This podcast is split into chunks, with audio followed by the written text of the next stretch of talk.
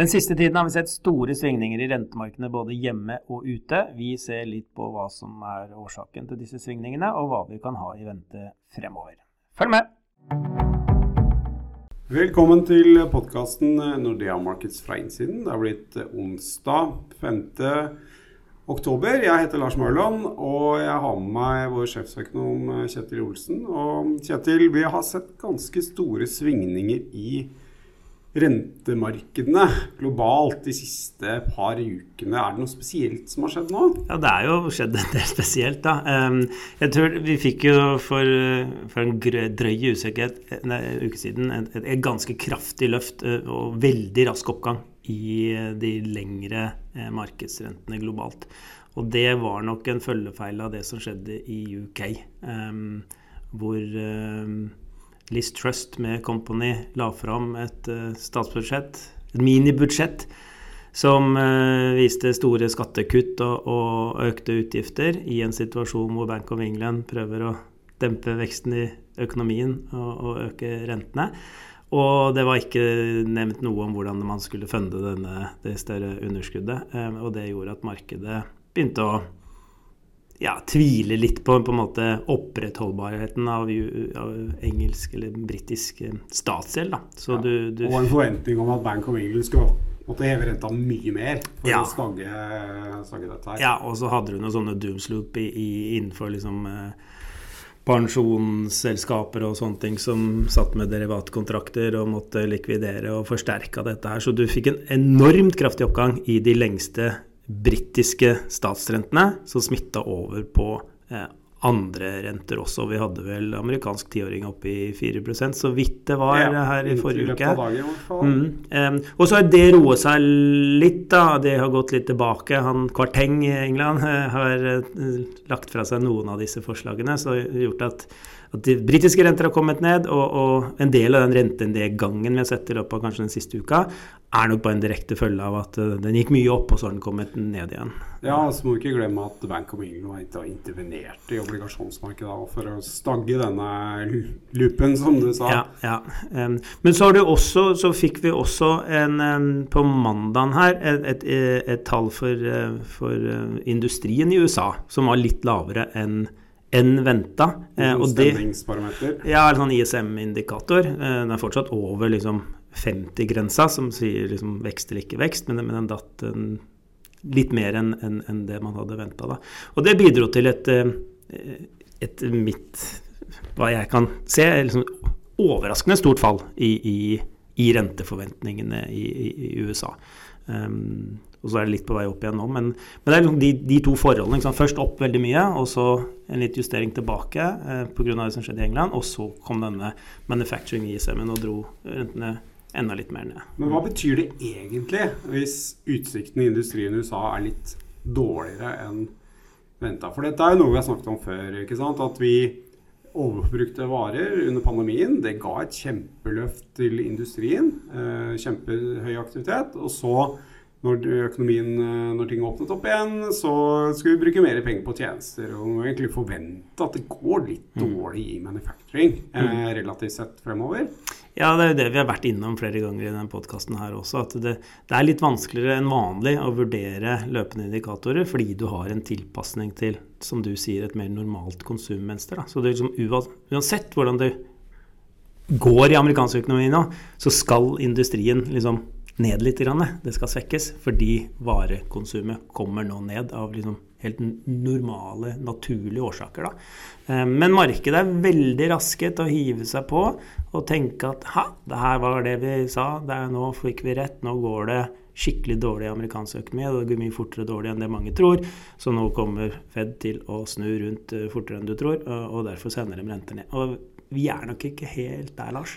Nei, og, og, vi har jo stadige medlemmer fra sentralbanken i USA som er ute og sier det samme.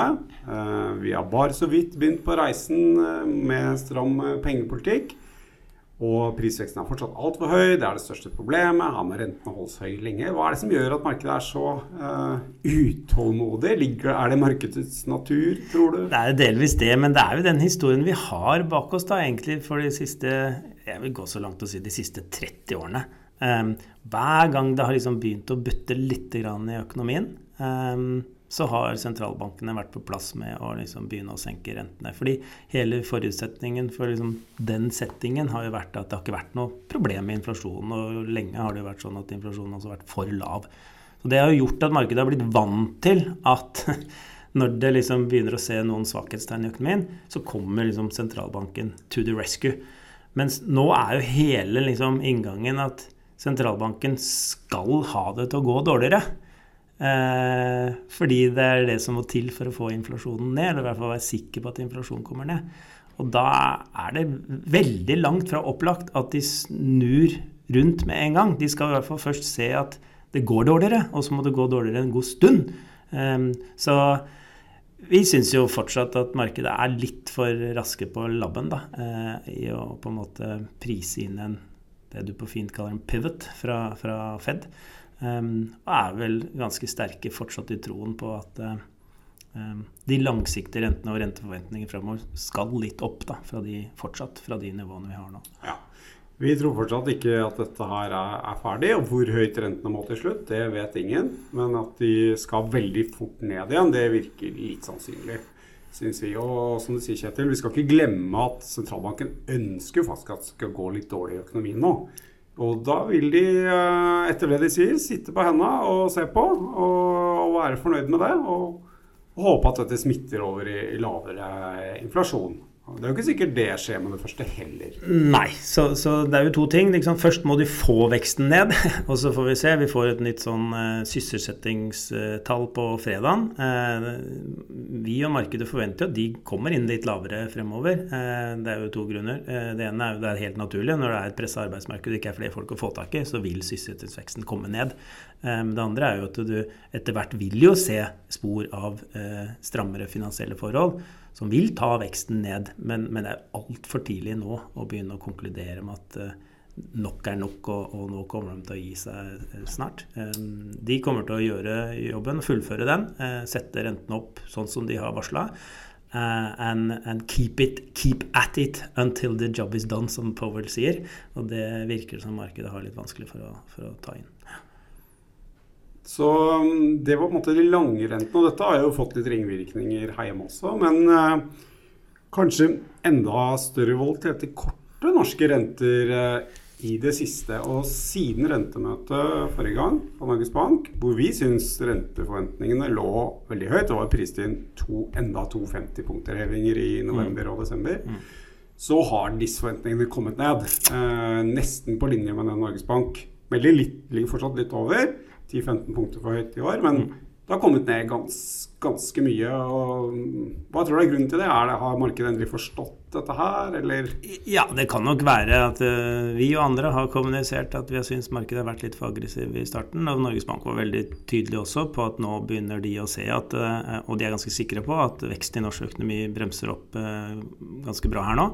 Um, så vi har hele tiden syntes det så veldig aggressivt ut å, å liksom fortsette med 50 punkters hevinger de videre rentemøtene nå. Sånn at uh, det har begynt å utkrystallisere seg en sånt punkt rundt 3 da, på styringsrenta, som både sentralbanken og markedet syns å nå liksom ta sikte på. Og så vet vi jo ikke helt hva det ender opp, men, men Akkurat nå så ser det ut som markedet liksom har skjønt tegninga. Um, men så har du andre ting også i det norske rentemarkedet Lars, som er mer lokalt drevet. Uh, I helt kortenden så har du hatt ganske store svingninger, og vi hadde noen sånne over natten-renter som var helt insane her på fredagen, var det vel? Uh, var det 20-30 40 nesten. 40% ja. Ok. Det er vel ikke drevet av makroforhold, er det det? Nei, uh, det ligger ikke noe rente beslutning bak de bevegelsene der. Og nå har ting roa seg litt igjen. Renten er ned til rundt 3 fortsatt ganske høyt.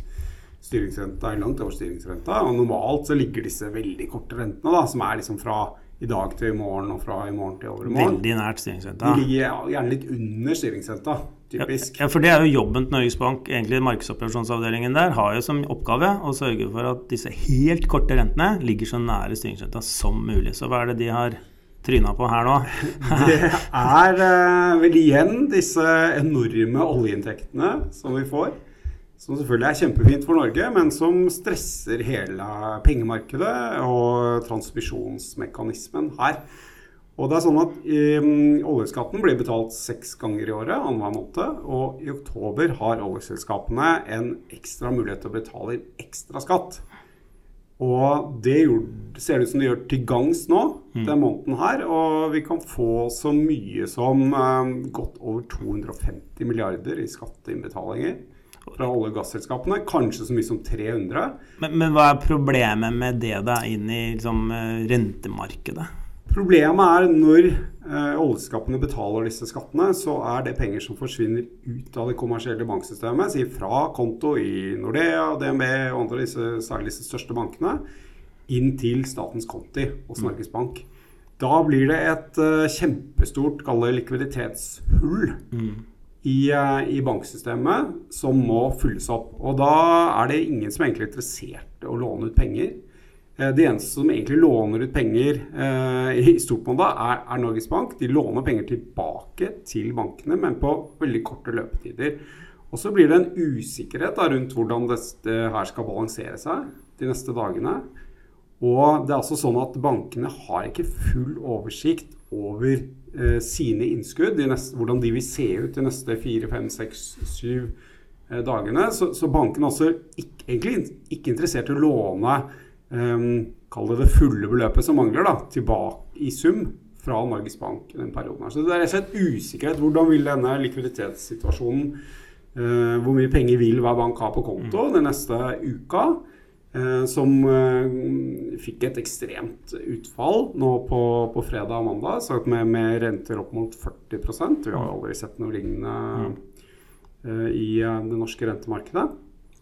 Og Eh, men nå ser det ut som det har løst seg litt. Nå har det kommet flere sånne såkalte F-lån. Ja, for Norges Bank kom med noen nye ordninger her for å roe situasjonen. Ja, det var egentlig ikke denne nye ordningen, tror jeg, så mye. Men kall det mer sånn vanlig F-lånsvirksomhet, hvor bankene låner inn penger både over natten og med en ukes løpetid og sånn. Og, og i sum, det som har vært gjort til nå, uh, har roa situasjonen litt. Som sagt, nå er rentene tilbake til fortsatt litt høye nivåer, men ikke i nærheten av av der vi var. Og det er jo som sier disse enorme skattebetalingene når det kommer på én gang. Mm. Beløpene er ti ganger så store som det vi har sett før.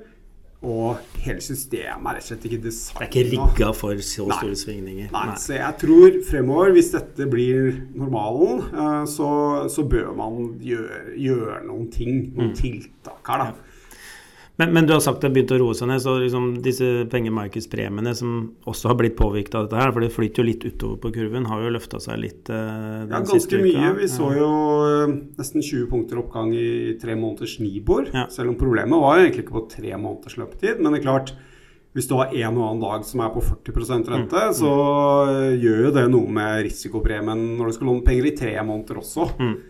Men er det forventa at liksom, hvis det roer seg ned i den overnatten-delen, liksom eller helt kortet, så disse premiene også på tre, tre måneders sikt kommer litt ned? Kommer litt ned, men jeg tror dette vil ligge som en sånn uh, Risikopremie. Ja. over markedet ganske lenge, tror jeg. Mm. Uh, fordi de som normalt uh, er de som låner penger ut i tre måneder da, i det norske markedet. er en del hedgefond og sånn som, som, gjør det. De har nå fått en skikkelig smekk på fingeren og, mm. og vil på marginen holde seg litt mer unna markedet. Mm. Krever litt bedre betalt. Så dette her vil nok gi litt høyere nivåer, alt annet like, mm. uh, i um, en god stund frem, i hvert fall ut året. Og da snakker vi om mange punkter? Liksom... Ja, så Det kan være fem til ti punkter kanskje ja, ja. ut året. Mm. Veldig vanskelig å sette fingeren på, men vil ikke overraske meg om det er, er tilfellet. Så, så ikke sant, istedenfor å ha en normal pengemarkedspremie på sånn 0,3-0,35, så snakker vi en år mer opp mot 50 eh, punkter. Ja, altså normalt er det litt høyere mot årsslutt. Mm. Uh, og, men at vi kan kanskje ligge rundt 60 punkter nå ut året, det vil ikke overraske meg. Mm, mm. Men så har vi også vi skal prøve å runde av her snart, men vi har også sett ganske store bevegelser i krona, Lars. Eh, og det har vel noe med de tingene vi har diskutert her. Vi var vel oppe i en eh, dollar nok på Vi toucha så vidt 11 her eh, mot slutten av forrige uke. Og så falt det jo ned til hva var det, 10,43 eller noe sånt i går. Så liksom 60 øre på et par dager. Så først opp, og så veldig mye ned igjen. Um, what's, the, what's, happening? Nei, altså Det er litt av det samme uh, utgangspunktet med disse oljeskattene. Hvor um, oljeselskapene kjøper kroner hver eneste dag. De eksporterer. Det gir en underliggende sterk krone. Og så kommer Norges Bank på banen, eh, så på oppdrag fra Finansdepartementet, men litt senere. Og skal selge disse kronene, fordi dette er egentlig bare overskudd på budsjettet som skal overføres tilbake til eh, oljefondet. Men det skjer da litt senere, sånn at nettostrømmen fra oljeselskapet og Norges Bank den har gått fra å være ganske positiv til nå å være litt på den negative siden. Og det gir en litt sånn motvind til kronekursen. Og da spesielt i kombinasjon med ruglete ja. finansmarkeder. eh, Som vi tror vi vil fortsette å ha. I og med at vi tror ikke at sentralbanken er ferdig med å heve her. Så kan vi få en situasjon hvor krona svekker seg eh, enda ganske mye mer mot jul. Og vi tror vi kan se 11,50 på dollaren her Ja. før nyttår. Ja, bare for å ta det igjen, ikke sant? Den at vi toucha 11 i forrige uke, det var jo litt i, i bakkant av det som skjedde i Bank of England. ikke sant? Og aksjemarkeder og sånn stupte samtidig. Det dro krona massivt svakere. Eh, en korreksjon litt tilbake. Vi har sett eh, et par dager med gode, gode dager for aksjemarkedene. Det har vært opp 5-6 og Sterk krone med en gang. Da, da styrker krona seg, men det du sier er at liksom ikke, ikke tenk at det der er noe, måte, noe som vil vare ved. Fordi strømmene fremover vil være både liksom strukturelt litt mer kronenegativt gjennom disse salgene fra Norges Bank.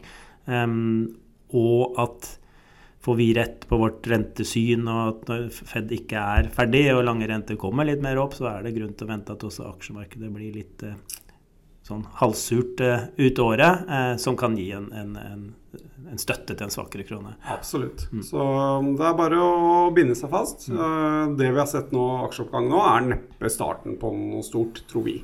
Nei. Så um, da får vi mer å snakke om om et par uker igjen.